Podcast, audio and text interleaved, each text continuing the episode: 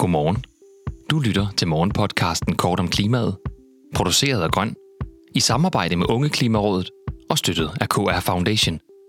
Din vært i dag er Jakob Fredsbøger Christensen. Godmorgen.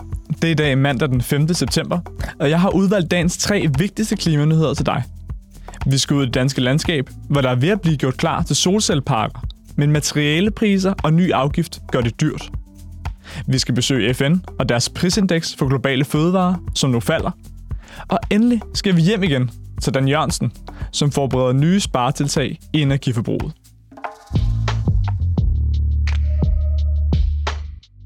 I segmentet på forsiden starter vi i dag i Jyllandspostens erhvervssektion. Inden for de seneste to år er det blevet 50% dyrere at opsætte vedvarende energi i Danmark. Det melder European Energy. Det er særligt priserne på stål, solcellepaneler og fragt, der forårsager de stigende priser.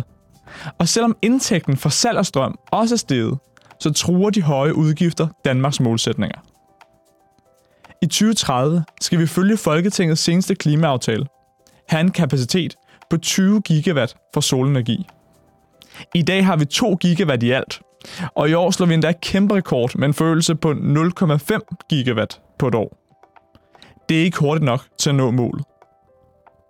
Energiproducenternes interesseorganisationer peger ikke kun på de stigende priser på råmateriale, men også på det faktum, at for næste år så bliver de pålagt en såkaldt producentbetaling, som afhænger af, hvor i landet de sætter solcellerne eller vindmøllerne op. I alt løber producentbetalingen op i 8 milliarder kroners ekstraudgifter for energiproducenterne, og de mener, at den kommer på det værst tænkelige tidspunkt. Professor i energiplanlægning, Brian Vad Mathisen, vurderer, at producentbetalingen kan skubbe nogle solcelleprojekter til udlandet i stedet, men mener, at ordningen er nødvendig. Indtil nu har energiudbydere ikke haft noget incitament til at sætte solceller og vindmøller op, hvor selve vores energinet har den bedste kapacitet til at aftage strømmen. I stedet har de kunne finde eksempelvis en billig mark på Lolland, som er dårligt forbundet til resten af landet. Og så har det været andres ansvar at få udbygget energinettet derefter. Med den nye producentbetaling bliver man pålagt en lille afgift, hvis man sætter grønne energikilder op, hvor energinettet er stærkt, og omvendt dyrt at sætte op, hvor kapaciteten til at transportere strøm er lille.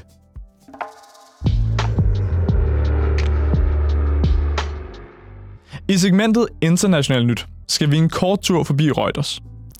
FAO, FN's fødevareorganisation, har nemlig meldt ud, at de globale fødevarepriser er faldet for femte måned i træk.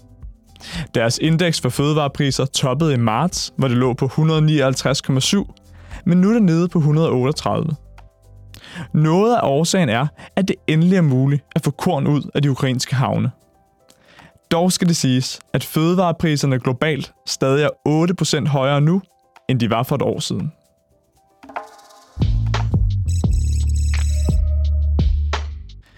Segmentet under radaren skal vi i første sektion af information. Den seneste måned har Nord Stream 1, gasrørledningen for Rusland, kørt på 20% kapacitet. Men nu er der helt lukket. Det har fået klima- og energiminister Dan Jørgensen til at lede endnu grundigere efter måder, vi kan spare på strøm herhjemme.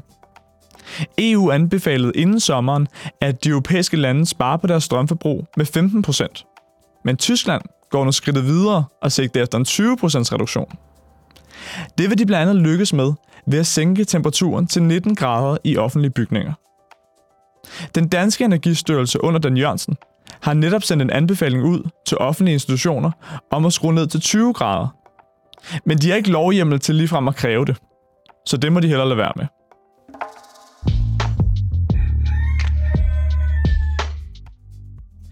Dagens solstrålehistorie kan vi takke Middelfart Sparekasse for. Under det netop afholdte klimafolkemøde uddelte de en klimapris på 250.000 kroner til en startup, som har potentiale til at komme langt med en god grøn idé. Blandt deltagerne var Fuel Vision, der har opfundet en app, som kan hjælpe piloter med at flyve 14% mere brændstoføkonomisk. Og Dots Recycling, som genbruger tennisbolde til eksempelvis filtpuder til stole eller filt til skoproduktion. Dem, der endte med 250.000 kroner smilet, var der valensiske Textile Change, som er opfundet ny teknologi, der kan affarve tøj og adskille polyester og bomuldsfiber fra hinanden. De fortjener stort tillykke herfra. Tak fordi du lyttede med til Kort om Klimaet. Vi har alle ugens hverdage udsendelsen klar kl. 8. Hvis du vil høre den med det samme, så gå direkte ind på vores feed på kortomklimaet.dk.